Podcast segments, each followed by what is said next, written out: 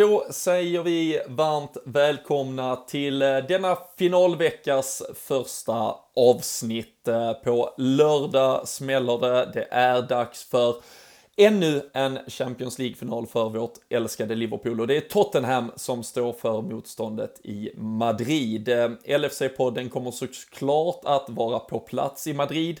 Och eh, ni får gärna se till att följa med oss i våra sociala medier för att få en liten inblick i uppsnacket. Väl på plats också inför det som komma skall.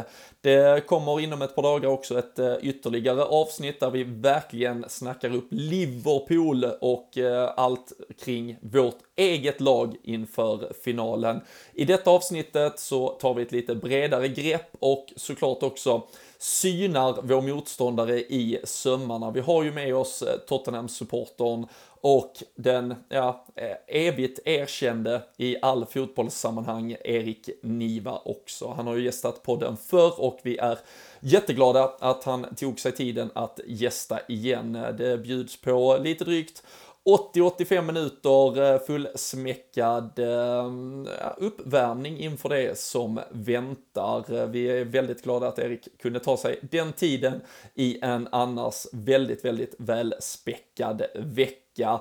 Han eh, var med på en eh, lina som till 99% var väldigt bra. Där är vi något litet tillfälle det eventuellt är lite knackigt med ljud. Vi hoppas att det har kommit igenom så bra som bara möjligt, men jag tror att ni får med er det här avsnittet eh, som en riktigt bra uppladdning oavsett och hoppas att ni njuter av det. Vi eh, gör avsnittet i vanlig ordning tillsammans med LFC.nu. Det är ju där ni hittar den svenska supporterklubben och eh, på måndag här efter finalhelgen så släpps ju också jubileumspaketen här på medlems, eh, ja, medlemserbjudandet för alla er som eventuellt inte har blivit medlemmar än och sen för alla er som såklart också ska in och förnya. Men det är ju 20 års jubileum för supporterklubben och det ska firas stort och vi hoppas att vi ska kunna bli större än någon någonsin. Men eh, nu tycker jag ni att ni sätter er till rätta, gör er redo för ett eh, riktigt häftigt och härligt avsnitt och eh, ni får höra mig, ni får höra Christian Andersson och framförallt så får ni höra Erik Niva tillsammans då snacka upp Champions League-finalen som väntar på lördag. Häng med på ett riktigt häftigt avsnitt.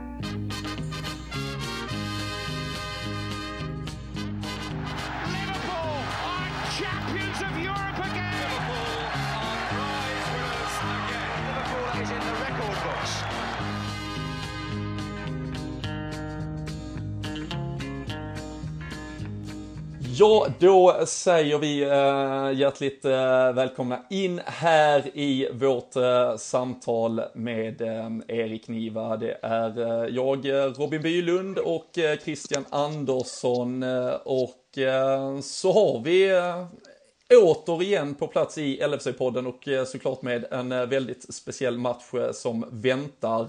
Därmed också, jag vet att det är väldigt eh, fullsmockat i eh, kalendern Erik, men eh, stort tack för att du tar dig tiden och välkommen till LFC-podden idag igen. Ja, men tack så hemskt mycket. Alltid ett nöje att få den äran. Och ja, vi pratade lite innan och jag passade på här inför detta snacket att lyssna på vårt senaste snack. Och det brukar ju vara två plus med dig när man frågar liksom lägesstatus sådär. Eh, är det även två plus när man är fyra dagar ifrån en eh, Champions League-final med laget i sitt hjärta?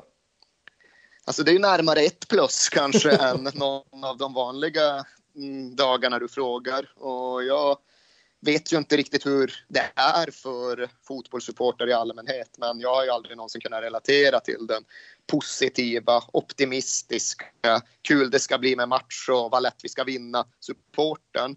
Utan mitt defaultläge är ju alltid att det kommer gå dåligt och vi kommer förlora. Och att ha den känslan fyra dagar före en Champions League-final är ju värre än att ha den fyra dagar före West Brom hemma.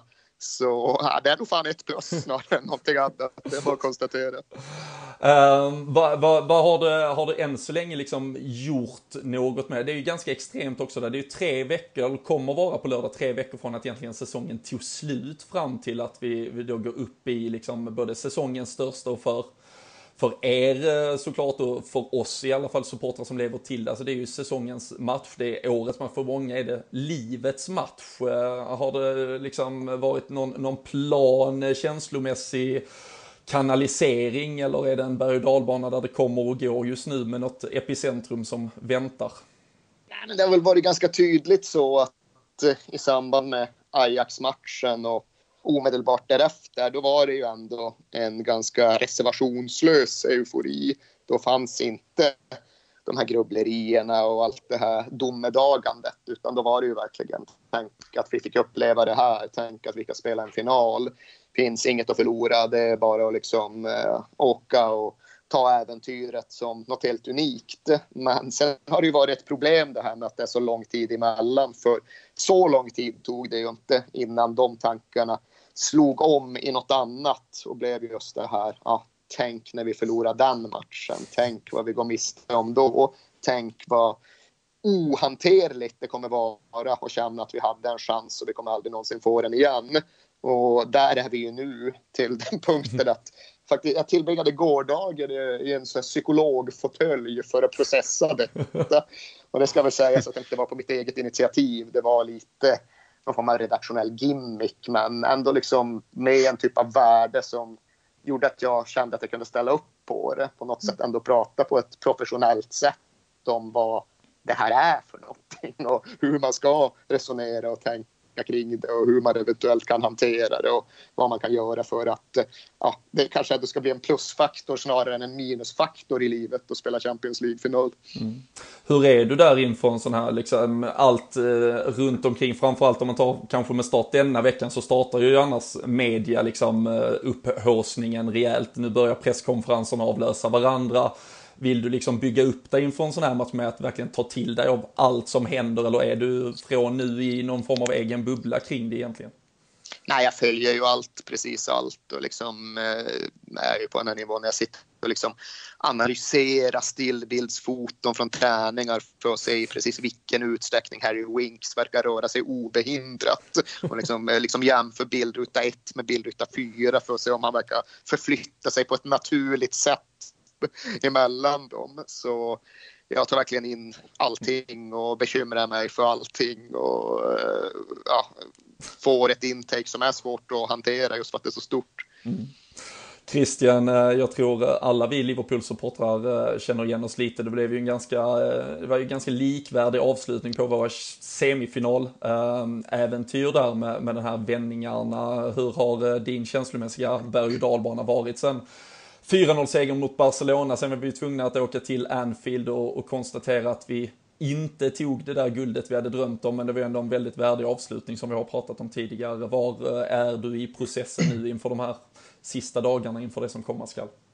Jag kände väl nu när helgen som var eh, kom och jag kände då att när det blev lördag och bara nu är det en vecka kvar, då då smög sig nervositeten på hos mig. Eh, in, innan dess har jag känt att jag kunnat lägga undan fotbollen sedan Premier League-avslutningen och att vi var i Liverpool. Och den känslomässiga stormen reddes ut på det sättet som det ändå blev då. Eh, även om det var ett värdigt avslut och en underbar tillställning. Så där släppte man väl på de, de känslorna och de vågorna. Och sen har jag försökt någonstans eh, ja, återskapa energi i kroppen som tagit längre tid än vad man kanske trodde från början. Men eh, som sagt, nu i lördags och jag var iväg på, på bröllop med barndomskompisar som är Liverpool-supportrar, eh, de flesta där i den familjen. Så att det är klart vi snackade och då kände jag att ah, det är en vecka kvar och nu, nu den här veckan kommer jag faktiskt tycka att det blir jävligt jobbigt om jag ska vara ärlig. Det, det är mycket känslor kring det och det är den största matchen på säsongen och vi är liksom i en final igen efter vad som hände mot Real Madrid förra säsongen så blir det här någonstans ännu viktigare och så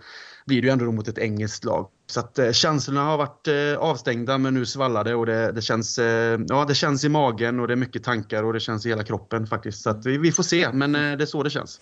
Nej, men det är ju en, eh, på, på, alla sätt och vis eh, otroligt mycket skräckblandad förtjusning en, en sån här vecka såklart. Jag, jag passade på att lyssna, senast vi talades vid i, i poddsammanhang här var ju inför höstens möte mm. mellan Liverpool och Tottenham och då, då inledde vi faktiskt med att prata, för det hade varit landslagsuppehåll och du pratade om ett, att Tottenham-spelarna, de som var på plan hade skött sig ganska bra, men utanför planen så hade det istället varit lite vi ska väl inte kalla det kalabalik, men i alla fall uppmärksamhet kring att Lucas Mora var ute och eh, då hade mm, ja, visat sin, sitt stöd till eh, Bolsonaro i presidentvalet i Brasilien. Vem, vem har haft den bästa åtta månadersperioden sedan dess? Är det Bolsonaro eller Lucas Mora? det är berättigad fråga. Eh, det är väl, det är väl ändå Bolsonaro. Alltså, det har fan gått bra för båda får man ändå säga. Ja, men Lucas Moura, alltså grejen är att han blir ju någonstans omvärderad så här i efterhand för att han gjorde det han gjorde mot Ajax. Fram till dess så ligger jag ju fast vid att hans insats och hans bidrag till Spurs har varit någonstans mellan 2 och 3 plus. Det kanske viktar över upp på 3 plus tack vare att han ändå har gjort ett, många tunga mål på stora arenor. Han har gjort mål på Old Trafford, han har gjort mål på Anfield, han har gjort mål på Camp Nou, vilket bidrog till att ta oss till den där semin där han gjorde hattrick. Så visst, han har bidragit, men det är ju så att ingenting han någonsin har gjort eller kommer att göra för klubben kommer att, ja, han kan spela här i tio år och det kommer ändå vara en halvtimme i Amsterdam som definierar honom. Mm. Så han hade en kväll, men Bolsonaro han är ostoppbar. Varenda dag är Bolsonaros dag nu för tiden. Så. Ja, äh, det, det var väldigt roligt i alla fall att det var just eh, Lukas Mora som var under eh, lupp eh, redan där helt enkelt. Ett annat alltså, fiasko vi pratade om redan då, det var ju det var en match där nya White Hart Lane skulle ha invigts. Ehm, sen, sen tog det några veckor och eh, månader eh, tills det äntligen var dags. Eh, nu får du rätt, var det 3 april? Kan det ha varit det? Crystal Palace? Ja, det känns inte som att det var tredje, ah. det känns som att det var femte eller någonting. Det, ja, det kan det ha varit. Det var um, början av april. Men till slut stod den där i all sin prakt. du var på plats när den invigdes. Jag har faktiskt haft turen, får jag ändå tycka, att, att besöka den under våren också. Um, Jaha, för match eller? Ja, på, eh, men då förlorade ni med 1-0 mot West Ham så Jaha, kanske, jag kanske ska hålla mig undan ett, eh, ett, ett tag framöver. Men eh, det var faktiskt mitt första besök i, i norra London i, i form av fotboll så det var Måste ändå ge er att det fanns mycket trevligheter kring arenan tyckte jag ändå. Det var så ruskigt som det ska vara i, i de där kvarteren. Ja, nej, alltså området är ju verkligen ett hellhole. Där kan ni känna igen er i ja. upplevelsen runt en arena. Och vi får väl se i vilken utsträckning ja, men hela nybygget klarar av att lyfta närområdet. För det är någonstans den uttalade planen, både från klubbhåll och det kan man väl värdera som man vill, men även från politiskt håll. Det är ju liksom arenabygget och allt där kring som är hopp loppet. Det ska liksom bli dragloket som eh, tar med sig ett helt område upp ur förslumning. Och ja, så enkelt är det väl sällan, men det känns ändå inte helt uteslutet att det kan bli en sån typ av effekt. För det finns ju en entusiasm i luften mm. runt arenan nu som inte bara stannar på läktarna utan det har ju hänt någonting med hela området och det finns ju faktiskt en stolthet och en glädje och en framtidstro i den där arenan som väldigt många knyter an till. Och det är inte självklart när man bygger en ny fotbollsarena. Det är inte självklart att ens folket som går på matcher tycker att det blev så jävla bra. Men än så länge så är ju vi supportrar väldigt nöjda med hur det har blivit. Vi fattar också att i någon mån kommer det finnas vissa modernitetsproblem men min bild är ju att även om det är lite NFL-känsla i kulvertarna under arenan så känns det fotboll så fort man ser själva planen. Mm. Och så länge det är så så får det någonstans vara okej. Okay. Och därtill har vi då den där effekten att det faktiskt har gjutit in lite energi och framåtriktning i hela stadsdelen. Och det känns ju bra för jag tillhör de som verkligen hoppas att även morgondagens fotbollsklubbar kan ha kvar en lokal förankring och betyda någonting för närområdet där den verkar. Och på så sätt vill jag ju tro att Spurs har hamnat så rätt man nu kan hamna i allt det här nya. Mm. Jag tänker vi ska gå in på och bara titta lite tillbaka på eh, Tottenhams eh, Premier League-säsong också. Men, eh, men det blir såklart öppet mål att ta den här diskussionen med, med dig som någonstans har det ja, ja men kanske fotbollens eh, alla värdegrunder ganska djupt förankrat i den här Champions League-säsongen. Jag tycker många pratar om det som det är liksom ändå en Champions League-säsong där fotbollen ja, men den togs lite tillbaka från miljardindustrin, såklart med ett Ajax som var på fram, alltså miljardindustri är det överallt, det ska vi väl reservera oss från och inte eh, påstå något annat kring. Men också med de här vändningarna, det var ett ungt och fredligt United som vände mot PSG, Liverpools vändning mot Barcelona, eh, Tottenhams insats som mot Manchester City och så vidare. Gav det dig tron på liksom fem år till. Jag vet att vi pratar om att Leicesters eh, ligaguld gav dig en tro på Premier League lite längre. Kan man någonstans hitta en liknelse mot årets Champions League-säsong? Ja, det går väl att hitta liknelsen så tillvida att om Ajax kan vara en minut från en final, då finns det faktiskt 75 andra klubbar i Europa som också kan det. Då är det bevisligen inte omöjligt. Men även om fotbollen verkligen har varit fantastisk och spektakulär och i någon mån oförutsägbar så ger det mig ju inte någon tro just på att ja, det här är ett steg i en annan riktning än det vi tidigare har sett. Utan det här är en väldigt spektakulär säsong och kanske inte så där jättemycket mer än så sett till analysen utan min bild och de rapporter som liksom har kommit ganska eh, ganska starkt och ofta de senaste veckorna indikerar ju snarare att vi närmar oss den här halvt helt stängda superligasituationen och det ska jag ju säga att i det sammanhanget är väl det som rör mig mest känslan av att fan, skulle vi ändå kunna vinna den här turneringen medan den ändå går att känna igen, medan den ändå går att koppla till den fotboll som jag växte upp med, så vore det mer värt för mig än det vore att vinna någon just eh, trekvartsstängd superliga om åtta år. För det finns ju en typ av argumentation som går ut på att ja, men där Tottenham nu är, dit Tottenham nu har tagit sig, så behöver inte det här vara enda chansen. Kanske kan vi nå en final igen om fem eller 15 år. Men just det där att ja, då är det nog en annan fotbollsvärld och en annan typ av turnering. Det skulle vara sjukt, sjukt mycket värt för mig på alla sätt.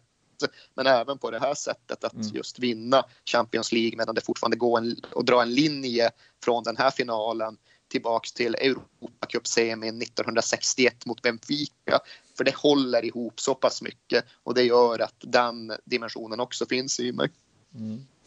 Nej, det, det, är såklart eh, så. Pratar vi, pratar vi pengar här så ser det ut att eventuellt flöda in även i ett eh, Newcastle eh, snart. Här det är ju väldigt mm. aktuellt just idag dessutom. Dubai-pengarna verkar det vara.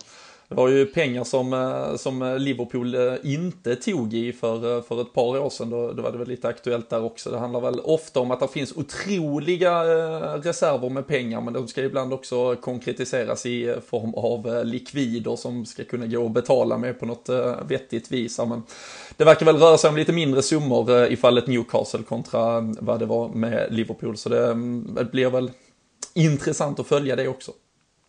Ja, men även där finns det ju någonting i att den här finalen eh, känns ju rätt på många sätt. På ett sätt så är det klart att jag kanske hade känt en ännu större triumfkänsla ifall Tottenham hade lyckats vinna en final mot PSG eller mot någon av liksom oligark eller petroklubbarna. Nu är det ju faktiskt en final som ska spelas mellan två klubbar som ja, i den mån det nu går att bygga organiskt idag mm. har gjort det vi har ingen shejk och ni har ingen oligark.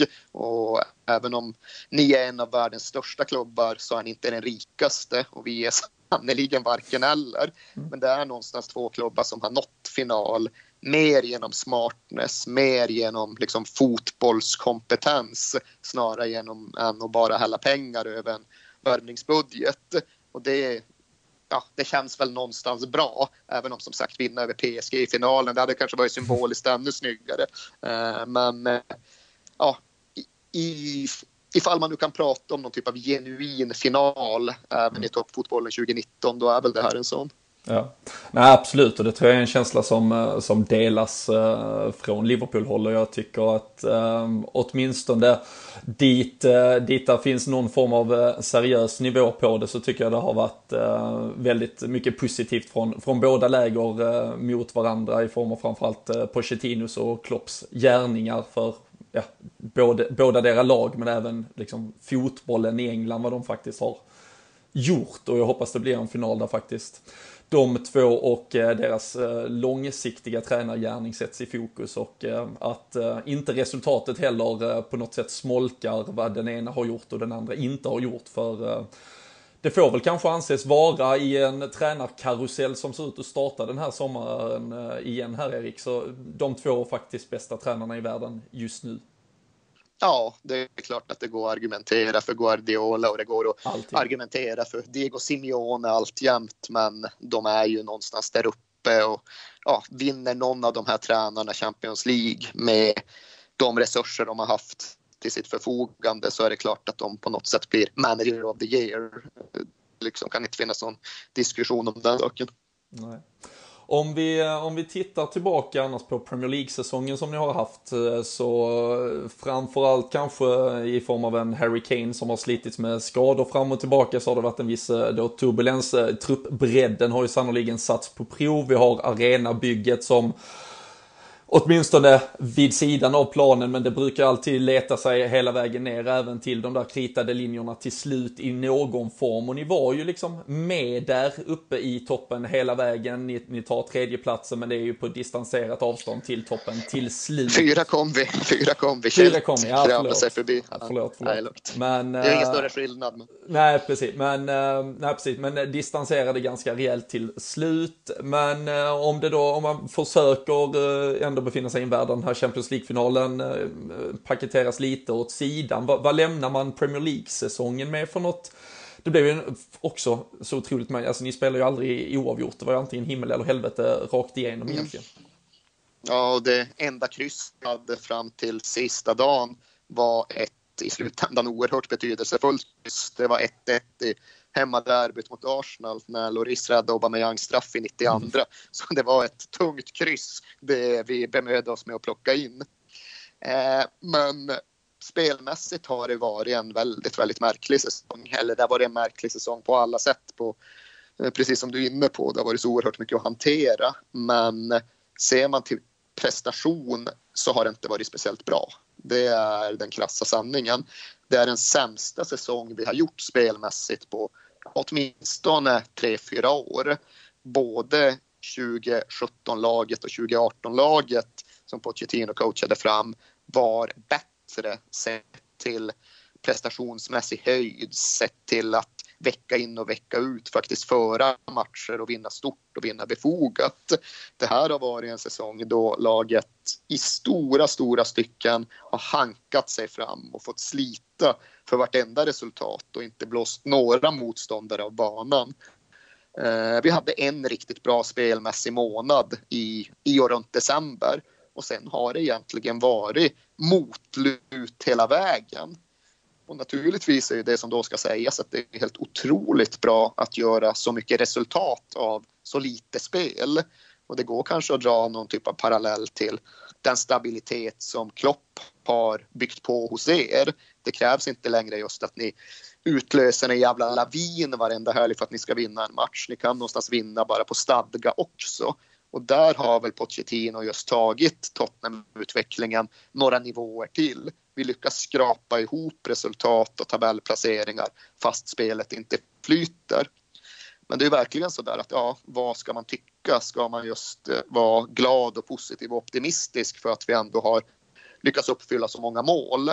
Eller ska man vara bekymrad och konfunderad av det faktum att spelet så tydligt och dramatiskt faktiskt har blivit sämre. Eh, det är väl en analys som vi kanske kommer behöva återvända till flera gånger under sommaren beroende på vad som hände efter finalen. Men det är ju också någonting som vi tar med oss in i finalen. För det har varit en säsong då Spurs inte har haft den energi i spelet som så mycket har byggt på. Det finns ju gemensamma beröringspunkter och liksom likheter mellan Pochettinos och Klopp-lag och jag tror att ska ni föreställa er ungefär hur vi har haft det den här säsongen, då får ni någonstans försöka tänka er ett klopplag där inte längre energin är utslagsgivande, där man inte längre går in och vinner en match för att man har högre intensitet och för att man bara virvlar bort motståndarna. För det har inte vi haft som alternativ i stort sett alls den här säsongen. Det har varit för slitna spelare och för skadade spelare och för få spelare som har kunnat eh, bidra under hela säsongen. Och på så sätt är ju 2019 hittills, det är verkligen, verkligen inte bra. Luften gick någonstans ur Tottenham-säsongen i mitten av januari när vi lyckas förlora hemma mot Man United trots att vi verkligen, verkligen var bra i den matchen. Men då skadade sig Kane i 95 och från den punkten har det egentligen varit ett jävla elände. Vi har ju förlorat otroligt många ligamatcher och det är helt mirakulöst att vi ändå kommer fyra. Och vi har inte spelat bra mer än i enstaka glimtar sedan mitten av januari. Men City hemma i Champions League var bra. Och det var också senaste gången vi hade ordinarie lag, eller någorlunda ordinarie lag. Det var senast Kane spelade. Andra halvlek mot er uppe i Liverpool var bra. Mm. Men lik förbannat lyckas vi förlora den i 93. Men annars så är det inte alls mycket. Och det är ju det vi brottas med nu inför finalen. Vilket Tottenham kommer till start. Är det det Tottenham som har spelat hittills under 2019, då har vi 4% möjlighet att vinna. Då liksom är det helt osannolikt att vi ska lyckas göra det. Men nu kommer vi ju allt att döma i alla fall få ut ja, i stort sett våra 11 bästa spelare på plan. Och om de har fått tre veckors ny energi, tre veckor av återhämtning och vi kan spela på någon form av topp ja då känner vi oss såklart inte jätteunderlägsna. Liverpool är fortfarande favoriter, men har vi vår dag, har vi våra bästa på plan, har vi ett spel som flyter, ja då är vi ju konkurrenskraftiga. Men sett till hela 2018-2019, det är inte tio sådana matcher vi får ihop totalt sett. Utan det har varit tufft och det har varit jobbigt och det har varit kämpigt i stort sett hela vägen. Och det bidrar till den här känslan av att det är ett jävla under och mirakel att vi överhuvudtaget är där vi är. Mm. Jag tänkte på det Erik, där vi, eh, Robin nämnde det om att Harry Kane var skadad. Du sa det också själv. Eh, jag lyssnade också på förra avsnittet när du gästade oss. Och jag tänkte just på att vi diskuterade just den här truppen då, att det inte kom in några nyförvärv till Tottenham. Och det pratades ju mycket på grund av att det var ett arenabygge som kostade väldigt mycket pengar och ett Brexit som kom också som gjorde att den kostnaden ökade avsevärt och så. Jag tänker ändå nu när du summera det här på det här sättet just att är det just för att det var den tunna truppen utan att kanske kunna sätta in friska ben när sådana som Kane går sönder och inte kan vara med. Även om en sån som Son kom in och gjorde ett, ett oerhört eh, superjobb egentligen på det sättet som han kom in och gjorde mål och liksom höjde Tottenham. Men kändes det lite som att det var för den här tunna truppen som gjorde att man inte orkade hela vägen i Premier League även om man nu då har tagit sig hela vägen till Champions League-final. För det kändes nästan lite som att du satt nästan och siade om detta senast och det blev nästan lite så som, som du tänkte att man kom ändå i toppen med Champions League-fotboll men nu har ni även tagit till en Champions League-final då så skulle du säga att det kan, liksom är den största orsaken? För man kan ju ändå jämföra med Liverpool som haft lite skavanker, kanske inte på samma sätt men vi har lyckats ha en till exempel en Origi som har varit en eh, gudabenådad fotbollsspelare för oss i de stunder som det krävs och så. Vi har ändå haft de här benen att slänga in jämfört kanske med Tottenham. Eh, skulle du säga att det, det känns så? Ja, det gör det. Eh, vår trupp är ju dels lite tunnare, men därtill har vi ju även haft otur på så sätt att även det som normalt sett är just breddspelare, så att slänga in Ja, även de har blivit skadade. Aurier är skadad och Lamela är skadad och Dembélé säljer vi till Kina för att han alltid är skadad numera.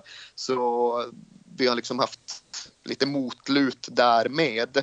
Men tunn trupp inga nyförvärv, inget nytt blod och framför allt då någon form av VM-faktor som mm. drabbar oss mycket hårdare än någon annan. Mm. Och det är inte nödvändigtvis så att det är för att vi hade flest spelare som var kvar hela turneringen ut. Vi hade väl ja, 9-10 stycken och Manchester City kanske bara hade några färre. Men vi var ju i ett läge där vi inte kunde ge dem egentligen någon vila utan de kallades in i tjänst direkt. De fick liksom studsa på solstolen och sen var det tillbaka för det var fan Newcastle borta i Premier League-premiären inom några få dagar. Så det här är ju en spelartrupp som först är och kör hela VM borta i Ryssland med allt vad det innebär av liksom emotionellt och fysiskt engagemang och sen kasta sig direkt in i en ändlös Premier League och Champions League-säsong utan, ja, utanför försäsong. Och liksom, det har jag aldrig varit med om tidigare. Det faktum att vi i grund och botten startar Premier League-säsongen med en trupp där kärnan inte har fått någon ordentlig försäsong. Och det kan man ju befara att det kommer att kosta och det har ju kostat på precis det sättet. Alla spelare som var iväg och körde VM-semi har ju haft någon allvarligare skada under säsongen. Jag tror att det är reservation för Aldevereld som har klarat sig bättre men alla andra har varit borta under en betydande del av tiden. Så det är både liksom skadebenägenhet och allmänt slitage. Och kontentan har ju blivit just det här att ja, där vi tidigare har drivits och levt mycket på energi så har vi inte kunnat göra det den här säsongen. Men vi har kunnat kompensera det med någon typ av erfarenhet och street smartness som mm. Tottenham sannoliken inte är vana vid att kunna utgå ifrån. Men som Pochettino på något sätt också har lyckats ingjuta. Mm. Tittar man eh, på, eh, på Champions League-säsongen eh, lite mer isolerat så, så, så, blir det ju samtidigt väldigt intressant att, att titta på er väg alltså fram till finalen. Den är, ja, den, den, är ju, jag, ska, jag, ska, jag reserverar mig för att den är unik men jag tror inte det är allt för många lag som efter tre gruppspelsmatcher uh, har uh, en poäng och, uh, och sen hankar sig hela vägen fram. ni börjar med då i fjärde matchen så har ni PSV på hemmaplan, ligger under med 1-0, vänder till Vänder till 2-1 med mål i 78 och 89 minuten. Eh, Två skitmål var det verkligen också. Det är 89 det är Kane som nickar en lös nick som tar på två olika PSV-spelare och på så sätt liksom flipprar bort målvakten och kryper in i målet. Så nej, vi var absolut döda och uträknade redan i ja, tredje eller fjärde matchen beroende på hur man räknar. Och sen eh, så är det Christian Eriksson som gör 1-0 mot Inter i, i 80 minuten. Och sen eh, var du inne på det tidigare, Lucas Moura med ett av de där eh, viktiga målen han gör mot Barcelona då i 85 minuten som betyder 1-1 och eh, ni avancerar då på fler gjorda mål än Inter, det var samma poäng, samma målskillnad. Och det är ju beroende av att Inter lyckas lyckas undvika att slå ett avsågat PSV Precis. hemma på San Siro i sista Champions League-matchen. Så det händer ju liksom inte heller. Det är ju någonstans, Inter är ju en av få klubbar i Europa som liksom är lika övertygade om att allt kommer att gå helvete som vi är. Så där var det någonstans att vi, vi mötte vår egen spegelbild och för en gångs skull insåg att de kanske har det ännu värre när de tittar på sig själva än vad vi gör.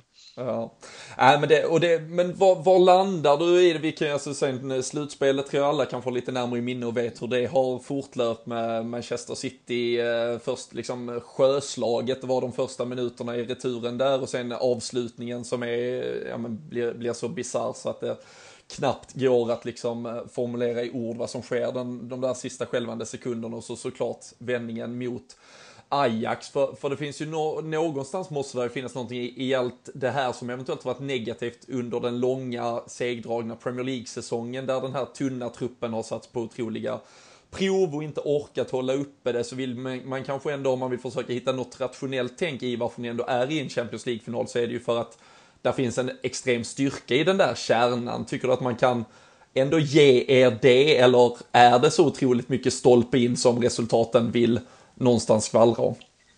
Ja, men stolpe in är ju över tid aldrig bara stolpe in. Det kan ju vara i det enstaka fallet. Det kanske kan vara det två gånger om, men det kan inte vara det sex gånger om eller vad det nu är frågan om nu. Så det är klart att eh, det är ju det jag lite var inne på tidigare, att Pochettino har inte bara gjort saker med kvaliteten på spelet. Han har ju också gjort saker med mentaliteten i truppen. Och vi som är från en viss generation och uppvuxen med en viss typ av Tottenham, vi kommer väl alltid just ha den där fatalistiska övertygelsen om att saker och ting kommer att störta samman. Men det är ju bara för att vi är märkta av historien. Det är ju det som Pochettino i så hög utsträckning har lyckats göra upp med. Och det här är ju ett bevis på den raka motsatsen. Det här är ju ett lag som inte lyckas liksom schabbla bort en given seger till en smärtsam förlust utan det här är ju ett lag som just lyckas klamra åt sig segrar som borde vara långt utom räckhåll. Och det gör väl just att ja, men mentaliteten, den finns det nog ingen anledning att frågasätta längre. Det finns ingen rationellt skäl att tro att vi kommer liksom spela finalen och, och bottle it som det så populärt eh, brukar diskuteras om. Utan vi kommer nog göra oss själva rättvisa och vi kommer ju förhoppningsvis, förhoppningsvis inte släppa in något skitmål i 93 bara för att vi är för skärrade för att spela av matchen. Utan jag känner ju en sån oro, men det kommer jag alltid göra för att jag just är så märkt av historien. Men den rationella oron att känna inför finalen, det är nog mer den här att ja, vi inte kommer upp i nivå för vi har inte haft någon bra spelmässig säsong. Det är nog förmodligen det vi faller på om vi faller snarare än att just mentaliteten ska vara för förlorardränkt.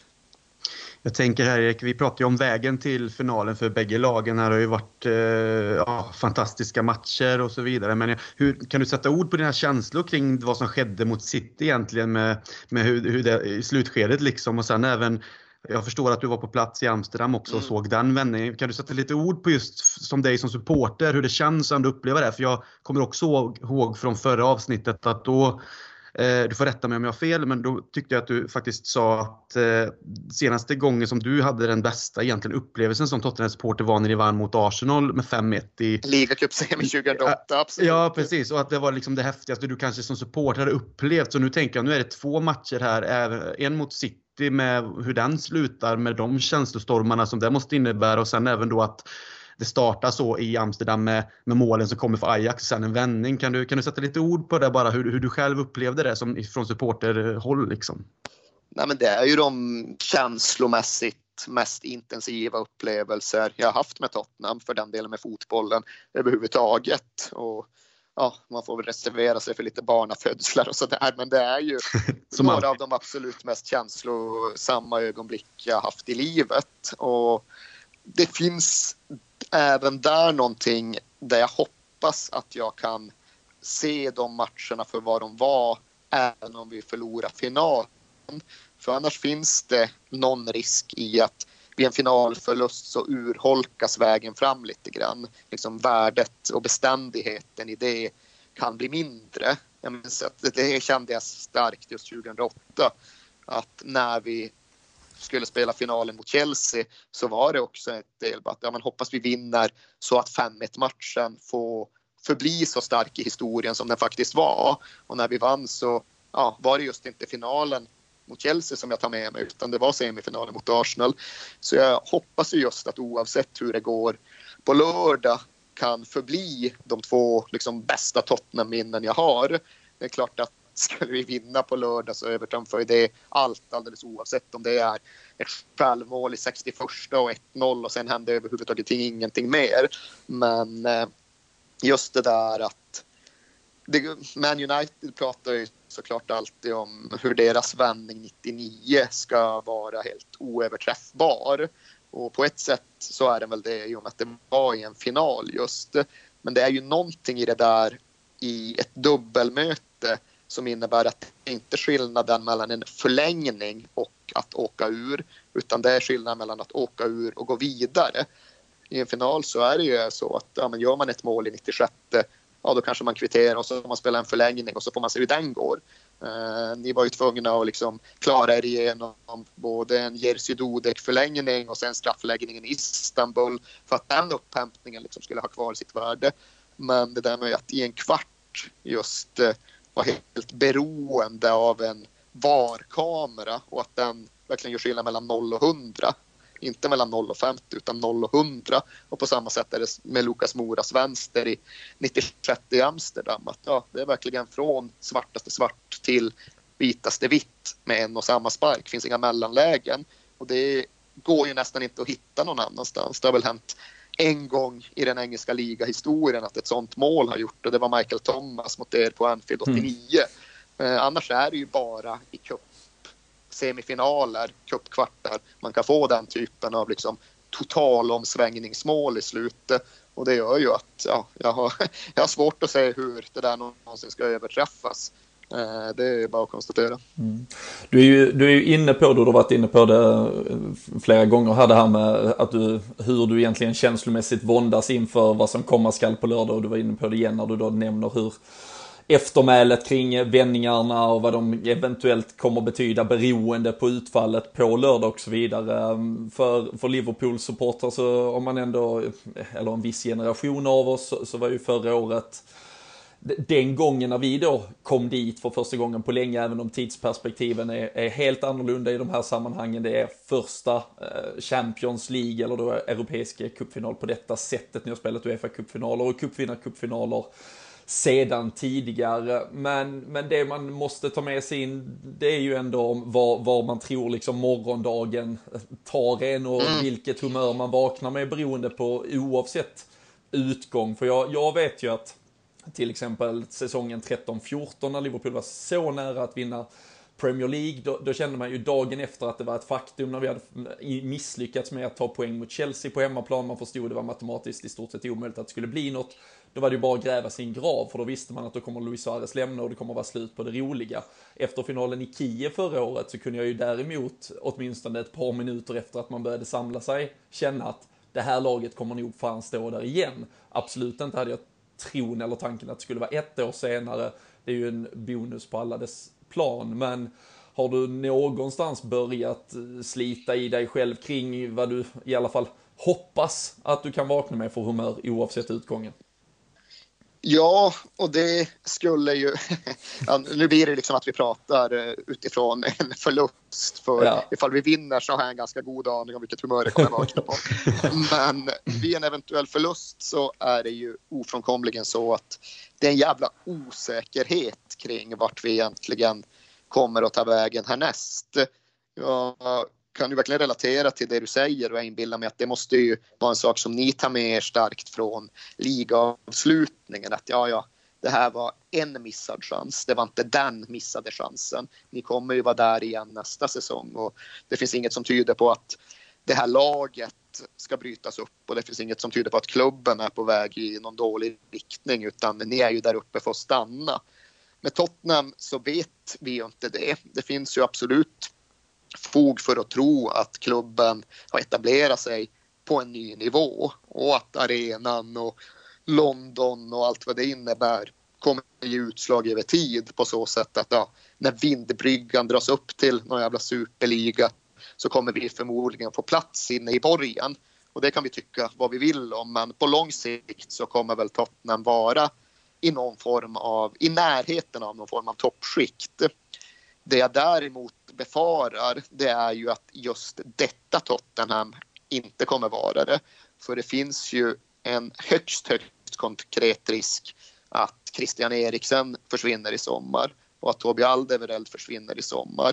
Och lägger man det till då att Moussa Dembélé redan har dragit och att Kyle Walker deserterade redan för ett par år sedan så får man ju ändå en situation där det vi ser som Pochettino-laget, det som vi har investerat så fantastiskt mycket känslor i och fått så oerhört mycket tillbaka från, att det laget bryts upp och måste i så fall ersättas av något annat. Och vad det i så fall blir, det beror ju på ja, 48 000 kronors frågan, 48 miljoner punds frågan, vad som händer med Pochettino. Vi vet ju inte det, för han har varit mest bara kryptisk de senaste veckorna. Och han har ju liksom uttryckligen vid flera tillfällen sagt att ja, om vi vinner då vet det fan om jag inte bara knallar bort och tackar för mig. Men då gör han ju det verkligen med all vår välsignelse för om vi vinner ja, då begär jag inget mer av vare sig tränare, lag, klubb eller fotbollssport. Då är vi klara. Och allt som möjligen kommer därefter är bara någon form av bonus. Men om vi inte vinner och Pochettino ändå känner att äh, jag har tagit det här så långt jag någonsin kan. Jag är dränerad. Jag måste ta ett jävla sabbatsår på Pampas. Ja, då är jag ju jätteorolig för vad som kommer hända de närmsta fyra, fem åren. Den närmsta lagbygget ska ta den. Det är ju brytningstider för Tottenham. Det är ju verkligen så att det är en jävla skillnad på om vi kan rida på eller om vi istället måste bygga nytt generations skapa ett nytt lag med pengar som inte riktigt finns för att de är uppbundna i några jävla liksom räntesäckar ifall vi hamnar i det läget. Så det är en stor osäkerhet och den kommer ju inte vara uppklarnad när jag vaknar på söndag. Det enda sättet den kan vara uppklarnad på det är ju just om Pochettino på presskonferensen efter matchen säger att ja, oavsett resultat, tack för mig, det här var det jag hade. Och då då vet det fan vart vi tar vägen. Det har jag verkligen ingen aning om. Men som sagt, skulle det vara vid en vinst så skulle, då skulle det ändå inte bekymra mig. Då, får, då är det que sera, sera, whatever will be, will be. Men som Liverpool-supporter tänker jag här att det är ju någonting som Robin var inne på tidigare. Man kan ju relatera till det här då 13-14. Vi pratar om att det är tappat Premier League, eh, eventuellt Premier League-guld. Eh, vi vet om nästan att en Suarez kommer lämna med honom så faller väldigt mycket det är också generationsskifte med Steven Gerrard och allt det här. Liksom att det, det behövs byggas om. Eh, liksom vart kommer det ta oss nu? Men någonstans vill jag ju återkoppla det som du liksom ändå då pratar om Tottenham nu och vad det kan innebära oavsett resultatet på lördag med en Pochettino och vad han då skulle kunna ta vägen eller vara ett lag om det nu kanske tappas lite spelare och man ska behöva bygga om igen och vad det kan ta för tid. Så tänker jag, hur, hur ser du då på Liverpools säsong sett till att vi liksom någonstans nu 97 poäng, slår eget rekord. Vi slår många andra upplagor av Premier League-lag som har tagit poäng även om det inte räcker till en Premier League-titel på grund av ett Man City som är så pass fantastiskt fotbollsmässigt i alla fall att det liksom krävs att man ligger på de här nivåerna. Så Liverpool är ju så pass jävla bra just nu och som du också säger så kommer vi antagligen vara med i toppen framöver med det som Jürgen Klopp har byggt och fortsätter bygga det. Vi känner ju att det är ju som sagt en missad chans, men inte den missade chansen som du, som du sa. Vi, vi har en stark tro på att vi, vi kommer förhoppningsvis få fler tillfällen att stå kanske i ett, ett titelrace eh, redan nästa säsong och även ta oss långt i Champions League. Det, det, känns som att det är nya tider för ett Liverpool. Hur, hur ser du på våran säsong om du ser det med de ögonen, liksom om du ska ja, analysera Liverpool lite och det vi har åstadkommit den här säsongen? Ja, men precis just så. Jag tror att jag redan sa det i någon av Viasat-sändningarna när det skulle delas ut titlar att med liten reservation för vad som händer under transfersommaren så håller jag Liverpool som Premier League-favoriter redan nu inför nästa säsong. För jag tror att det kommer vara mycket svårt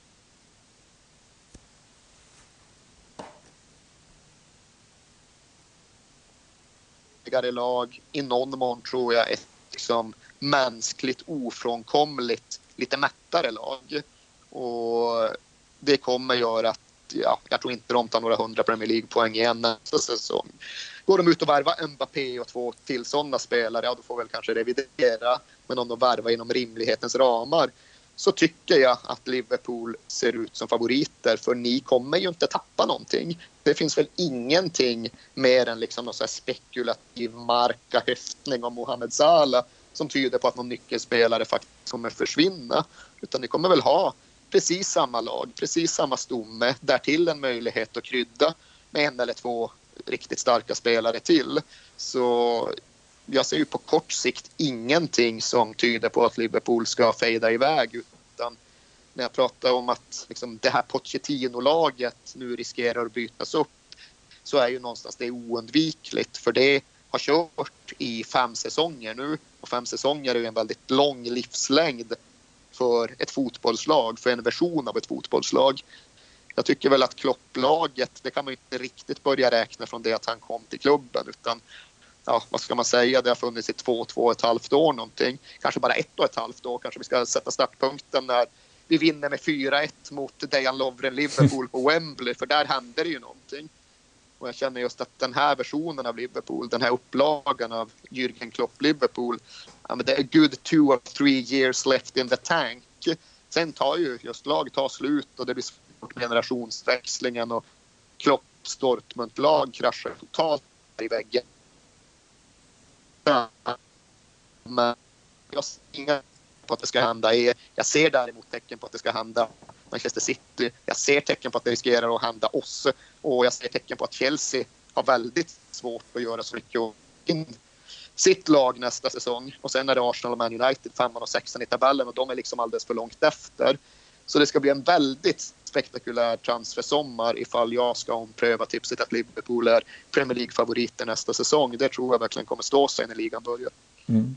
Om vi leker med den eh, för, för din eh, ja, eh, syn, synvinkels sett mer positiva tanken att, att det blir en Champions League-triumf för er på, på lördag. Vi har varit inne på arenabygget som trots allt nu till slut har blivit färdigställt. Alltså det blir ju en tvåstegsraket utan dess like, eventuellt i alla fall, om det dessutom öppnas upp lite pengar eh, till att eh, faktiskt spendera under sommaren. Eh, vi har ett Arsenal vars eventuella Champions League-öde avgörs på, på onsdag i Baku och eh, det ska vi inte gå in på för då, då, då, känner jag att vi kan ha en timme bara, bara där. Men, men det finns ju också på, på så sätt, även om man då inte ska måla det helt svart eller vitt och fram på väggen, men, men där finns ju som sagt, där ligger ju verkligen, kan du hålla med om att det ligger också en, en jävla språngbräda eh, inför den här, där ni kan ta steget rakt upp i den absoluta toppen och faktiskt distansera er för första gången men, nästan någonsin med, med all reservation till ett, till ett Arsenal och, och lagen därunder. Det är klart det finns en jävla potential i dagens Tottenham eh, som klubb betraktat. Sen tror jag väl att det är så svårt att sia i exakt hur det kommer bli för Spurs för det finns liksom ingen som har någon klarhet i hur det ekonomiska läget verkligen är. Det är ju inte kommunicerat från klubben utan det är höljt i dunkel exempelvis vad det innebär att arenan blev mer än ett halvår sen. Innebär det att vi kanske kan få tillbaks 3, 4, 5 miljarder från byggare som inte håller sin deadline? Eller innebär det tvärtom att det kostar oss ytterligare 3, 4, 5 miljarder för att kostnaderna bara skenade iväg? Det vet vi inte. Det vet ingen för klubben säger inte flaska om den saken. Så det är liksom helt omöjligt att spekulera i hur stor vår värvningsbudget kommer vara de närmaste åren. Kommer vi behöva gå in alldeles oavsett finalresultat i liksom en typ av som sträcker längre än tre transferfönster som vi har sett utan sträcker sig tio år framåt i tiden. Eller just finns det möjligheter att liksom börja slåss mot Manchester City på transfermarknaden. Fan vet, men det kommer, tror jag, ändå vara mer avgörande än hur det går i den enskilda Champions League-finalen. Och för mig, och jag tror för väldigt många supportrar, så är faktiskt det underordnat. En seger på lördag, det är inte någonting som vi i första hand skulle se som ah, vad bra, nu kan det leda till förstärkning av laget, en satsning inför nästa säsong. Utan det skulle ju vara vårt liksom, slutgiltiga, vår slutgiltiga belöning. Det skulle innebära att vi aldrig mer behövde begära någonting av fotbollssporten, att vi aldrig mer behövde känna oss förfördelade och felbehandlade av fotbollssporten. Utan det hade vi en gång i våra liv fått stå på toppen på ett sätt som vi aldrig någonsin kunde föreställa oss att vi skulle göra. Och då liksom nedanför den möjligheten bleknar allt annat. Ifall vi vinner den här matchen då behöver vi inte vinna några fler. Det är en överdrift såklart, men det är absolut en överdrift med en kärna av sanning i ifall vi vinner den här matchen så ja, ni kan värva hur mycket eller hur lite ni vill. Pochettino kan gå, det är okej. Okay. Harry Kane kan få gå med vår välsignelse så länge han inte går inom England. Liksom ingenting som händer efter en sån seger skulle kunna röra oss, kunna rubba oss, utan då, då är vi nöjda. Då, då, då, får framtiden verkligen ha vad den har i så fall. Mm. Ah, men det, jag, jag, jag förstår helt hur du, hur du resonerar kring det. Det tror jag att alla känner. Alltså det, man, man ska vara lite för... Uh ja, i stort sett eh, robotstyrd för att eh, det ska vara så otroligt långsiktigt rationellt tänk kring eh, huruvida en Champions League-final betyder det ena Men eller det andra. Ni det? För här är det ju liksom, jag vet ju att ni anser att it means more för vissa av er, men inser ni liksom samma sak som jag känner när jag pratar om det? Att ja, det är klart det är en jävla stor match för er. Det definierar hela säsongen. Det skulle vara er största framgång sedan 2005. Men det skulle vara er sjätte jävla Champions League-titel att ställa i ett prisskåp där det redan finns är 18 eller ligatitlar. Mm. Där det finns liksom historik där Liverpool identifierar och ser sig själv som störst, bäst och vackrast. Det gör att i mina ögon, det kan inte betyda mer för det kan inte ens betyda lika mycket för er den här gången. Och jag fattar också att det är liksom bara fånigt att hålla på och gradera känslor. Man har sin upplevelse och man har sin förhoppning och sin farhåga. Men att ni någonstans förstår att det här är liksom inte en stor match i mängden. Tottenham har funnits i snart 130 år. Det här är matchen. Liksom. Ja. Det är den största matchen på 130 år och ingenting kommer någonsin kunna mäta sig. Nej men det är så Ja, Christian började förlåt.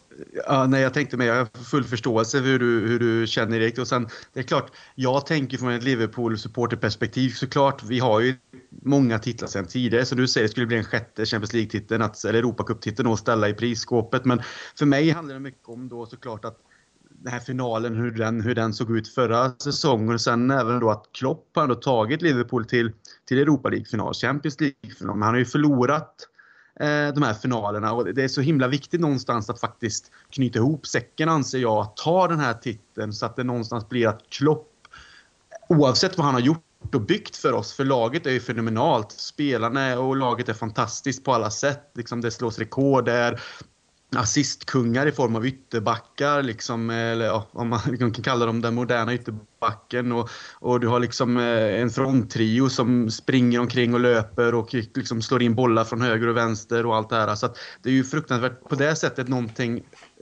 underbart att se vad han har byggt men någonstans så måste det också kanske där slut, eh, sluta med att vi tar en tung titel. Nu, nu missar vi Premier League-titeln eh, med en ynka poäng eh, och det har ju såklart med att det finns ett City med bilden annars hade, ju, hade de inte varit vad de är så hade ju Liverpool den här gången gått som tåget och, och, och, och ligan hade varit över redan i, i mars kanske på det sättet. Eh, Sen är det ju så, såklart att man vill, man vet ju aldrig, nu, nu pratas det om att Kropp vill stanna längre såklart i Liverpool och det finns inga tecken på att han skulle vilja lämna, han har mer att, att, att göra där så att säga. Men just det att det inte bara blir på gränsen till nästan helt utan han faktiskt blir ihågkommen som den här frälsaren som byggde om Liverpool, det moderna Liverpool och tog de här titlarna. Så för mig betyder det mer på det sättet att vi har kommit nära, men vi har inte lyckats ta det. Så det, det, är två olika sätt att se på det, men jag har full respekt och förståelse för hur du tänker att det här är den matchen. Och, men för mig är det mer att jag vill ju komma ihåg Klopp när jag blir äldre, att det var han som började plocka titlarna igen, oavsett om det är Champions League eller Premier League. Och det var liksom han som på något sätt skapade nya Liverpool efter många år av visst fina titlar på vägen, men med de här hålen på 5, 8, 10 år som är emellan då, om man kommer ihåg ett Liverpool som Eh, på 70 80-talet när man själv inte var med som gick och vann allting. Så, så är det här att nu får man faktiskt ta här, de här titlarna och någonstans bygga om. Det, det, det, är min känsla kring det. Jag vet inte Robin, vad, vad, hur känner du där? Nej men jag håller med, alltså det är ju, jag, jag, kan väl, ska man, ska man någonstans de, dela vad matchen betyder för eh, Tottenham-fans kontra vad den betyder för Liverpool så, så förstår jag ju helt att detta är matchen för för, för Tottenham eh, och eh, för liksom 130 år av, av passion och liksom hängivenhet som, som nu kulminerar någonstans. Fan, nästan 140 när jag tänker på saken. Ja, ja tiden går för jävla snabbt. Det, det, det, det är alltså. ovärdigt och hemskt. Men, men som, som du är inne på Christian så handlar det väl snarare om att då Liverpool ändå får anses med, med den där historiken då och vad man har varit så nära att åstadkomma de senaste åren anses vara de här då bottlers eh, som du var inne och nämnde och att vi liksom aldrig kommer klara det och ta det hela vägen och att det ens finns den här typen av tungor som ifrågasätter om Jürgen Klopp verkligen är av högsta skolan så länge han inte vinner något. Det är väl snarare att få markera det en gång för alla att vi tog oss till den absoluta toppen och nu får ni andra faktiskt hålla käften. Ja, nej, men jag tror också det finns ju verkligen ingen anledning att det finns ingen utsikt att lyckas med att tävla i känslor utan man känner det man känner och det blir ofta tycker jag en konstig typ av matchanalys när man eh, diskuterar varför en final slutade som den slutade. Ja, men det ena laget ville lite mer. Nej, mm. det tror jag inte. Liksom, jag tror att eh, motivationsfaktorn hos två lag i ett sånt här sammanhang, det ligger nog på hundra och liksom, det går inte. En förstärkare som går till 10 går inte att vrida upp till 11 och så är det nog på läktarna också att eh, vi ligger nog på max på båda sidor. Det går nog inte att liksom krama ur så mycket mer ur den där stenen utan det, det, ja, det betyder allt för alla på olika sätt. Så är det väl. Du var, du var inne på tidigare att uh, ni hade ju en, uh, en dubbel handfull uh, spelare som var, var väldigt långt fram och spelade helt avgörande matcher och vissa rent av finaler och det var bronsmatcher och så vidare i VM förra sommaren så att de har spelat stora matcher kan vi ju konstatera att i stort sett hela er startelva har gjort.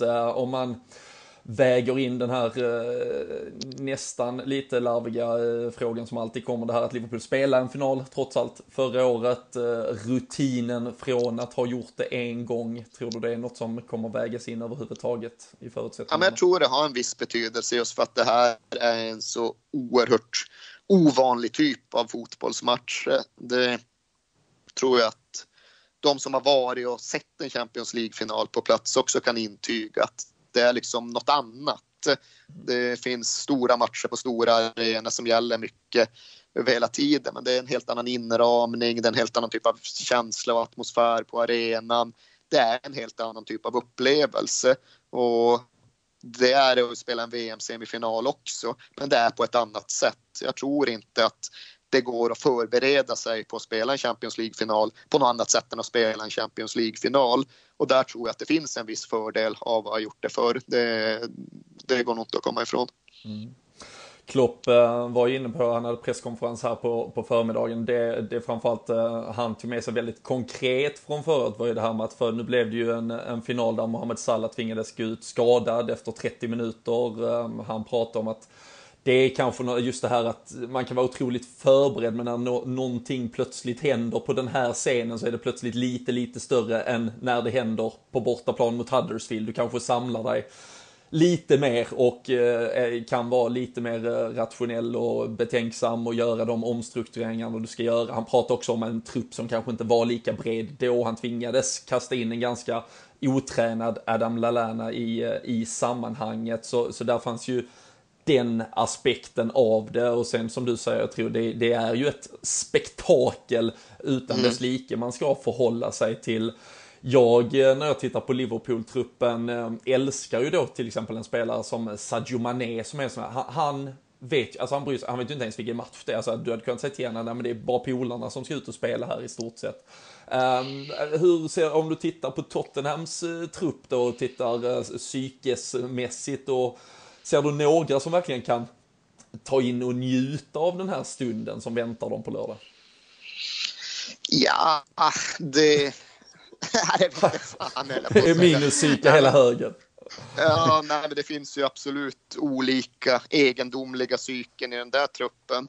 Musa Sissokos psyke vågar knappt spekulera kring och Harry Kanes psyke är något helt annat. Men jag tror att på gott och ont och det faktum just att det här är det mest omtyckta Tottenham-laget under min livstid. Det har inte bara att göra med framgångar utan det går ju att knyta till att de genuint bryr sig. De har investerat mycket av sig själva, framförallt i varandra och i Pochettino, men i förlängningen även i klubben. Så jag tror att det är elva spelare som verkligen bryr sig innerligt för vad det skulle betyda för fler än bara de själva att vinna den här matchen. Och sen hur det slår, det vågar jag fan inte säga. För där är det verkligen så att ja, det kommer inte vara så att det ena laget är mer motiverat än det andra. Men det ena laget kommer förmodligen lyckas kanalisera sin motivation lite bättre än det andra. Och jag tror att det finns ett, en risk att det här Spurs-laget faktiskt bryr sig lite för mycket. Mm. Jag tror att en sån som Harry Kane, en sån som Harry Winks, för den delen en sån som Danny Rose eller på sitt sätt Dele Alli det kan knyta sig för dem för att de vill för mycket. De har för stor insyn i vad det här skulle betyda för både dem själva och så många andra. Men det är klart att lyckas de bara hitta den mentala balansen, lyckas Pochettino än en gång kanalisera det, ja då blir det en jävla kraft som frigörs. Men det där vet jag verkligen inte. Jag har aldrig upplevt, jag har aldrig sett det här laget spela den här typen av match och varken jag eller någon av spelarna kan nog säga det med säkerhet exakt hur det kommer bli. Mm. Tror du att det är en fördel eller en nackdel att Liverpool kommer från en final förra säsongen, även om den slutar som den gjorde med Salas skada och de här eh, misstagen från en eh, eh Karius och så, och så, vidare. Tror du att det ändå är alltså, fördel eller nackdel Liverpool just det här med att man går in i en final igen och har chansen? Jag tror i grunden är en fördel just apropå det där vi pratade om alldeles nyss att det ändå liksom de vet vad det innebär att spela en Champions League-final. De vet att de måste stå och vänta medan Black Eyed Peas kör några jävla nummer på en scen och liksom ceremonin drar över tiden och det blir en massa liksom eh, läckage åt alla möjliga håll. Sen tror jag alltid det kan finnas en risk i om liksom negativa mönster börjar upprepa sig. Säg att Alisson helt plötsligt klappar ihop och liksom sjabblar in en boll på Karius maner. Då tror jag det riskerar att sätta sig en och helvete inte nu igen-känsla. Men det mm. är först vid en ganska liksom osannolik händelseutveckling. Det är en fördel för Liverpool när matchen började tror jag. Mm. Ja, för jag, jag, vet ju vad Liverpool kan åstadkomma. Man har ju sett hela säsongen i matcher liksom att det är ett fantastiskt lag som jag, som jag sa innan. Men jag tänker också på det, min nervositet grundar sig nog mycket i det här att jag är jävligt rädd för eh, misstag igen. Nu har vi lärt oss någonstans att vi har en van Dijk som någonstans har rätt ut det defensiva. Han är liksom en ledare av rang, en eh, världsmitt mittback. Eh, vi har Alisson som också har visat att han är en världsmålvakt men det betyder att man inte har misstag någon gång i sig. Så min, min rädsla ligger nog i det här att den här matchen är den matchen man inte vill se, som du säger Erik, något slags mönster återupprepa sig. För det är för en viktig match och det är den här matchen allting ska fungera och allting ska vara stabilt. Så det är nog där jag mår illa just när det är en, ytterligare en Champions League-final, även om det är lyx att återigen få vara i en final. Så att, eh, nej, det, det kommer bli tufft att eh, känna på de här känslorna hela vägen fram här känner jag. Men jag vill hitta den där stabiliteten av mer än en anledning. Och dels är det ju såklart en strukturell grej som har skett men det är ju också någonting i vilka individer och vilka karaktärer ni numera har i laget. Och ni har väl egentligen inte en enda misstagsbenägen spelare. För jag förutsätter att Matip startar snarare än Lovren. Mm. Frågar du ju... Bojan så har Lovren alltid ett misstag i sig. Ja, ja men Lovren startar inte. Det köper jag ju, men Nej. han startar väl knappast. Nej. Och det, Nej gör att jag har lite svårt att se det individuella misstaget. Det är klart att någon kan hamna fel i en position eller sådär. Men där känner jag ju en, i mina ögon, berättigad oro. För Tottenham är fan fullt av misstagsbenägna spelare. Framförallt i positioner där vi inte gärna vill ha dem. Jag tillhör ju de som fortfarande tycker att Loris är en lite överskattad målvakt just för att han är väldigt misstagsbenägen. Danny Rose är tyvärr misstagsbenägen det finns ett stråk i till och med förtången som innehåller en viss misstagsbenägenhet. Jag orkar nästan inte prata om högerbackarna. Så alldeles oavsett om det är Trippier eller Aurier så är det en misstagsbenägenhet som fan slår i taket. Och där finns det ju absolut den här liksom domedagsfatalismen kvar i supporterled. För jag vet inte, såg ni playoff-finalen upp till Championship. Här Jajamän, jag skulle precis nämna det.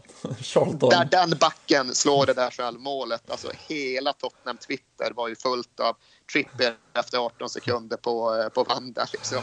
Det, alla kan överföra det till ett scenario som drabbar oss. Och där är det ju någonstans så att ja, när ni pratar om era tunga motgångar på senare år så är det ju Karius-matchen och det är ju framför allt Gerard-matchen. Mm. Och där, ja, där är jag svårt att se hur man bara går vidare och ruskar av sig och reser sig. För jag vill ju, tror jag försöker liksom förbereda mig själv på förlustscenariot. Ja, vad fan, du måste, du måste faktiskt leva vidare även om vi förlorar Champions League-finalen. Och jag inbillar mig att ja, jag ska väl kunna borsta av mig och åka hem till familjen och fortsätta funka. Men just det där ifall det blir något jävla skit. Ifall det blir ett Trippier självmål som gör att hela matchen bara rinner iväg därefter. Eller ifall det blir en Loris-tavla när allt står och väger. Eller om det värst av värst av allt blir så att vi har ledningen i 93 och sen släpper in ja, vilken typ av mål som helst och sen förlorar på det det vette fan om jag pallar. Alltså då, jag hör att du har bearbetat flera scenarion i alla fall. Ja, ja, det finns ju absolut det här liksom Liverpool bara blåser oss av banan för att vi ska spela som vi gjorde mot exempelvis West Ham hemma som du såg. Mm. Spelar vi som vi har gjort under majoriteten av 2019 då tror jag det blir 4-0 eller 4-1. Och det vore fan inte kul för det skulle någonstans urholka minnet av vägen fram rätt mycket tror jag. Men jag tar ändå hellre det än led räddning i 93 och sen defensiv situation och Kane får en fel på bakhuvudet och det blir 1-1 och förlust därifrån. Den, är äh, vad som helst men inte det. Mm. Ja, jag tänker om vi bara, vi ska gå in och prata lite, bland annat Harry Kane, eh, lite eh, hur, eh, hur status är på spelare och så vidare. Men, men om du zoomar ut från, från supporterhjärtat någorlunda i alla fall och tittar på att det är två engelska lag, alltså för som sagt det är första final så man, man tar vem fan man får i den där matchen. Men vad, vad gör det med dig att det, det, är två engelska lag, att vi ändå vi har sett varandra mötas under säsongen, man stöter på varandra i eh, liga och kuppspel och så vidare. Eh, är det till 110% en Champions League-final eller är det också någonstans Liverpool-Tottenham, de där lagen som möts lite då och då? Kan det göra något med dig att det är ett inhemskt möte så att säga? Ja, nej, men när jag zoomar ut och på något sätt ser matchen utifrån, då tycker jag att det, mm, det subtraherar någonting, det drar bort någonting. Jag tycker att en riktig final i grunden ska spelas mellan två lag från två olika länder. Men här gör jag ju inte det. Här tittar jag egentligen bara på det här utifrån eh, min supportersyn. Och där ser jag faktiskt ändå som positivt att det är Liverpool vi möter. För jag har sett oss slå Liverpool. Jag har till och med sett oss slå Jürgen Klopp Liverpool. Jag har till och med sett oss dominera matcher mot Jürgen Klopp Liverpool när ni har varit bra. För det har vi lyckats med under andra halvlekarna både i fjol och i år på Anfield. Så jag vet ju att ja, det är inom rimlighetens ramar att vi ska kunna besegra Liverpool. Det behöver liksom inte ske ett mirakel för att vi ska vinna en fotbollsmatch mot det laget. Däremot så hade det känts som att hade vi fått Barcelona då hade jag inte kunnat känna så, för jag har sannerligen aldrig sett Tottenham besegra Barcelona. Jag såg oss få ett osannolikt kryss mot deras reserver i december och det var fantastiskt. Men det hade ändå känts liksom ouppnåeligt på ett annat sätt än det gör att möta Liverpool. Liverpool jättesvårt, extrem respekt för laget, extrem respekt för klubben, men ändå just på ett sätt som gör att ja, jag tror att vi har lite större chans på planen och det skulle inte vara liksom så personligt tungt för mig att förlora mot ett engelskt lag. Det kan vara en skillnad på att jag är baserad i Sverige. För jag vet att det finns många engelska Tottenham-supportrar som absolut mm. hellre hade förlorat mot ett kontinentalt lag än mot Liverpool. Men för mig är det så att hade det varit Arsenal, då hade jag inte ens orkat se på matchen. Då hade det varit alldeles det hade jag inte kunnat ta in. Så det hade varit mitt mardrömsscenario. Jag hade mött alla andra lag i hela världen hellre än Arsenal i en final. Just i och med att jag alltid tror att vi förlorar. Men att vi möter Liverpool, ja, när jag väger ihop allting så föredrar jag det gentemot att möta Barcelona eller ja, FC Bayern eller vad som helst. Mm. Um, du, du var inne på det tidigare, det här med att eh, eventuella, om vi säger både klubbsympatier och eh, förståelsen för vad det här betyder för fansen, vad det gör med dem. Eh, ni har en hel del då egna produkter dessutom och såklart Harry Kane någonstans som får gå i i, i bräschen och längst fram i det ledet. Eh, nu har det varit eh, en, eh, en period av skadeproblem här. Han, han tränar åter med laget. Tror du att både han själv och Pochettino och staben runt omkring kan vara så ändå ja, fokuserade på uppgiften här att man måste se till att han är 100% för att starta den här matchen. Eller finns där en eh, viss procentuell liksom marginal som man är beredd att beta lite på för att sätta Harry Kane på plan på lördag? Harry runs, Harry plays. Så enkelt är det nog ifall han är liksom någorlunda kapabel till att eh, överhuvudtaget ta sig ut på plan så kommer han starta och det är med all rätt. Jag vet ju att det liksom finns folk som tittar krasst statistiskt och uppfattar det som att ja, men Tottenham gör ganska bra resultat utan Kane också. Men tittar man på matcherna, hur de ser ut, vilka det faktiskt är vi vinner mot, liksom det faktum att vi lyckas krångla oss förbi Fulham borta, Watford hemma och Newcastle hemma utan Kane gör inte att vi är ett bättre lag när han inte spelar. För det är verkligen så att hans frånvaro är en av de starkaste anledningarna till att vi har spelat så knackigt under hela våren. Med Kane så får vi både ett targetspel och ett djupledsspel och en avslutare och en ledarfigur. Det är liksom, han är en 5 1 lösning där Lukas Mora erbjuder en och en halv dimension och där Jorente erbjuder en halv dimension. Så Kane ska absolut starta, han kommer starta. Frågan är dock vad dominoeffekten blir. För förmodligen innebär det att det bara finns plats för en av Lukas Mora och Kevin i startelvan. Och hur fan gör man med det?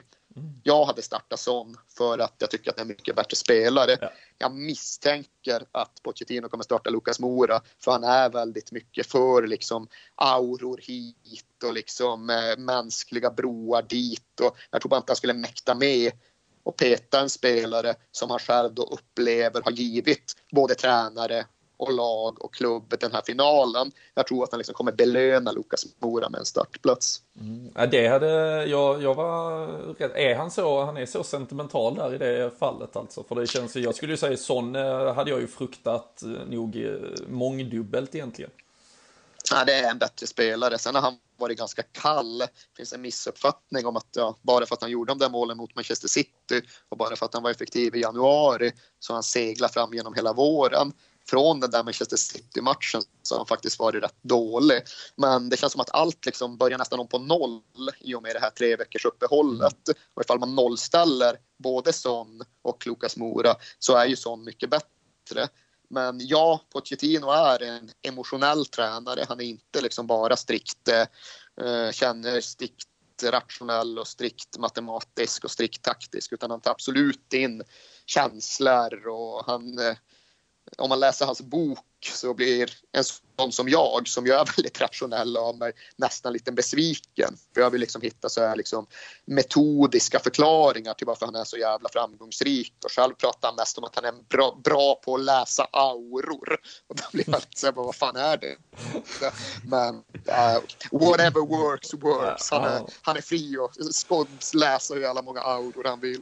Riktigt jävla hokus pokus och um, kan ju bli med tanke på du, du eventuellt då så, som en av dem då som fortfarande ifrågasätter Hugo Lloris så kan det också bli att han tar VM-guld och Champions League-guld på en och samma säsong. Då seglar man Utan någonstans... att vara bra. Utan att vara bra. ja, nej, det, det, är en, det är en macka det också att segla på. Vilket? Nu, ja, Lloris har ju varit bra, ska bara skjuta in det. Den straffräddningen han gör i första mötet mot Man City, den är ju på sitt sätt lika avgörande som Moras mål. För gör de mål där och har 1-0 efter en kvart av första mötet, då går vi aldrig vidare.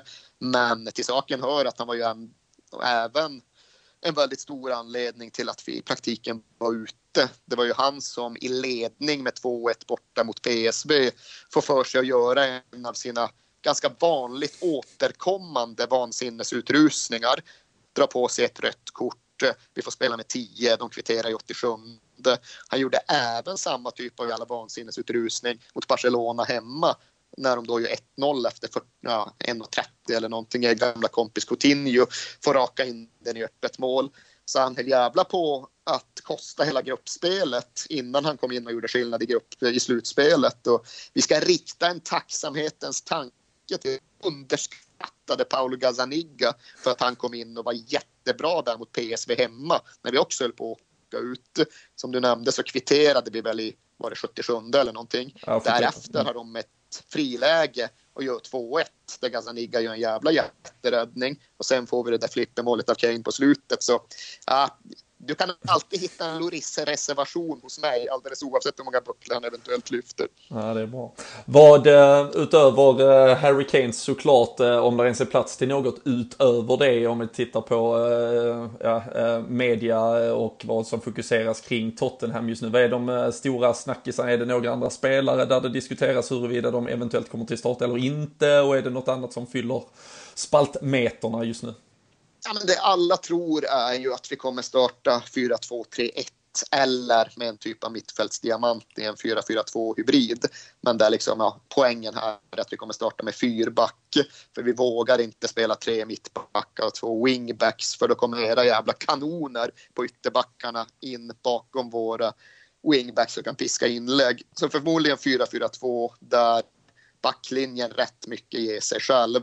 Fertongen verkar vara spelklar så då blir det han och Aldevereld i mitten, Rose till vänster och förmodligen ändå Trippier till höger. Det är väl där det möjligen finns ett frågetecken men Orier är ju precis lika jävla rörig och han har dessutom ingen inläggsfot så det blir nog så den backlinjen.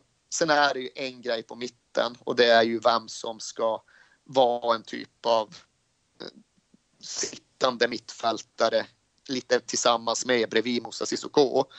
Och där är det viktigt som fan att Harry Winks kommer tillbaka för sen Dembélé försvann till Kina är han den enda bollspelaren, den enda passningsskickliga inne mittfältaren vi har. Vi kan dra ner Eriksen, men det kostar för mycket. Vi kan dra ner Dele Alli och det funkar inget bra. Men vi kan inte spela Sissoko ihop med Banyama som inte kan passa en fotboll. Eller Dyer som har haft en hemsk säsong och inte alls liksom har har eh, mobiliteten som krävs. Så vi måste på något sätt borsta av Harry Winks och han måste vara så bra som han var mot Man City hemma. Jag inser att Winks med all rätt fortfarande en spelare som kanske liksom får opinionen att gå isär. Det är inte alla som ratear honom. Men om man tittar på just Man City hemma som är vår bästa match 2019 så var han förmodligen bäst i laget. Och han behövs för vi har inga alternativ. Vi får inte ihop mittfältsbalansen utan honom. Nej, det blir eh, spännande oavsett eh, vad här. Och... Vad, vilka tre kör ni på mitten? Jag skulle väl säga att till 98 procent så spelar vi Fabinho, Wijnaldum och eh, Jordan Henderson. Och James Milner, Ingen Milner såklart som en bubblare i så fall. Nej, det tror jag inte att uh, han får uh, plats. Även om Klopp så sent som idag pratar om att han vid 33 års ålder fortfarande blir bättre och bättre och att det är liksom uh, någonstans the testament to uh, hela laget här, vad som kännetecknar att de, uh, de blir fan bättre hela högen, uh, konstaterar han vecka ja, Det är sjukt med Milner ändå, för jag delar ju uppfattningen att han blir faktiskt bara bättre och bättre och bredare och bredare, men sånt kan ju alltid, eller sånt kan ofta eh, hända så kallade late bloomers, de som liksom utvecklas sent och slår igenom sent. Och han har precis han har spelat Premier League-fotboll sedan han var 16. Han har snart spelat Premier League-fotboll i 20 år. Han kan liksom slå Ryan Giggs jävla rekord och fortsätta utvecklas. Det är ju både fascinerande och imponerande. Ja, det var väl äh, Aftonbladet hade någon liten silly om att han var på väg till PSG nu, så vi får väl se upp. Tror inte på tidningen. Nej, det, det, det, skulle jag absolut aldrig göra. Um, avslutningsvis, um, annars, uh, nu vi var inne på uh, Tottenhams uh, lag, du har varit inne på Framförallt när du pratar farhågor här så är det vad dina egna spelare kan ställa till med. Men vad, vad, vad är det du mest rädd för hos Liverpool inför lördagen? Alltså det är ju verkligen bara att liksom välja om man ska få en dolk i nacken eller en bultsax i huvudet. Eller, ja, ni har ju en del olika vapen och lyfter man fram ett så straffas man av det andra. Men jag tycker ju verkligen att Sadio Mané om något fortfarande är underskattad. Visst, det är inte en hundraprocentig avslutare men det är faktiskt inte Mohamed Salah heller. Jag är mer rädd för Mané än jag är för Salah och jag är mer rädd för Mané än jag är för Firmino eller Erik de Backar heller. Och det finns ju en typ av parallell verklighet där vi hade värvat Mané istället. Han var ju till och med på träningsanläggningen och liksom blev runtvisad av Pochettino. Så eh, symboliken i just det, att vi ska sänkas av spelaren som vi hade i vårt grepp som så uppenbart hade lyft oss till en ny nivå är svårt att bortse från den symboliken tyvärr. Så jag tror att eh, det är det största hotet. Mm. Nej, det, som sagt, det, det, är väl känslan eh, i och kring eh, Liverpool-led och såklart med om vi tittar matchmässigt, det senaste vi har i att, att titta tillbaka på avslutar ju säsongen med två mål också mot Wolverhampton och, och delade på ganska beskedliga där, 22 mål bara, skytteliga titeln. Hade bara Harry varit frisk så. Då jävlar. Då hade har ni fortfarande kvar er egendomliga hang-up från liksom förra Golden Boot-racet på, på Kane? Eller har ni släppt det nu när han har varit skadad? Nej, nu eh, är det ju konstaterat att vi, eh, vi har ju de bästa målskyttarna, så det, nu kan vi släppa det. Men eh, det är väl snarare hela den där 2-2 matchen från förra våren var det väl, där mm. äh, hela det avslut, det, det fick ju, det triggade ändå igång någonting mellan Liverpool och Tottenham. Så det här får väl någonstans bli kulmen på, på allt det där känns det som. Ja, det, det båda jag fastnar liksom, jag sitter ju med det här, jag brottas ju med de här tankarna varje vaken minut numera. Men jag säger, gå igenom matcherna vi har spelat mot varandra i huvudet och jag märker att jag har liksom en bild av att Liverpool har varit klart mycket bättre och ganska överlägsna mest hela tiden. Men det är Nej, egentligen bara i ja, men Wembley-matchen i höstas, mm. där var ni över. Det borde ha varit 4-5-0. Sen får vi in en reducering och hade till och med kunnat få en freakstraff till 2-2. Men där var ni överlägsna. Sen har ni ju haft det där att ni startar ju alltid på sånt jävla varv. Så ni gör ju nästan alltid mål första 20. Det tror jag ni har gjort i fyra av de fem senaste eller fem av de sex senaste. Eller sånt där. Mm. Det blev ju fler bortdömt i höstas på Wembley när det var några jävla inlägg som gick rakt i mål och det berömdes vara någon offside eller någonting. Men jag har haft bollar i nät första kvarten mest hela tiden. Så det gör ju att jag känner väldigt starkt att fan, ge mig 0-0 efter en halvtimme så skulle jag vara överlycklig bara med det i det skedet. Mm. Tror du eh, att det också överförs på, eh, just med tanke på att det är de här två lagen som känner varandra så väl. Tror du Pochettino är mer beredd i den här, om vi säger tränarmatchen, att anpassa sig eh, ganska tidigt för att i alla fall också med, om vi då väger in lite rutinen och att det är första gången man gör det. Att, alltså 0-0 i paus är något man liksom, det, det tar man alla dagar i veckan här. Det tror jag att man tar, men jag tror inte att man spelar på det. För Pochettino är ju faktiskt nästan liksom Guardiola-ideologisk i sin spelfilosofi i många stycken. Och det märks kanske inte lika tydligt för att vi inte är lika bra passningsspelare. Men han vill ju verkligen inte rucka på det egna spelet. Han vill inte att vi ska börja spela säkerhetsspel. För så har jag ju känt jättemånga gånger just uppe på Anfield och uppe på Eastland. Så att vad fan kan vi inte bara spela lite längre och rakare första 20 för att slippa ett bolltapp av Dyer och ett friläge för Mané och 0-1 efter åtta minuter. Men eh, han gör aldrig det och hans motargument som ju bara är att liksom tugga i sig och konstatera att ja, men, du kan inte bara titta på första halvtimmen. Titta på hela 90 och konstatera att båda de senaste gångerna vi varit på Anfield så ja, tyvärr släppte vi in ett tidigt mål. Men sen har vi ändå skaffat oss kontroll över matchen. Vi har tröttat ut motståndarna, vi har kunnat flytta boll. Så under liksom andra delen av matchen så har vi faktiskt varit bättre. Och visst, så har det ju faktiskt varit, både i våras och i fjol vår att andra halvleken så är Tottenham bättre än Liverpool på Anfield genom eget passningsspel och eget bollinnehav och egen speluppbyggnad. Så jag tror inte att han kommer ändra på det. Jag tror inte han kommer anpassa det. Och det gör just att ja, jag tror att risken att ni gör mål i första halvlek är väldigt stor. Jag vill tro att möjligheten att vi gör mål i andra finns kvar eh, att döma av de tidigare matcherna. Mm. Nej, det är en eh, fantastisk match eh, som väntar på lördag oavsett eh, vad här. Vi önskar väl varandra sådär alldeles lagom mycket lycka till i ett sånt här sammanhang. Exakt så får det bli. Och nej, jag vet att du kommer vara på plats. Jag och ett gäng här från LFC-podden kommer också vara det, så man kan ju följa med i våra sociala kanaler under helgen såklart. Men eh, stort tack Erik för att du tog eh, dig tiden i eh, detta tajta schema inför den här stora matchen och som sagt all lycka till ändå på lördag. Alltid ett nöje. Vi, vi ses på andra sidan helt enkelt. Det gör vi. Ta hand om dig. Tack så jättemycket. Tack detsamma. Tack så mycket.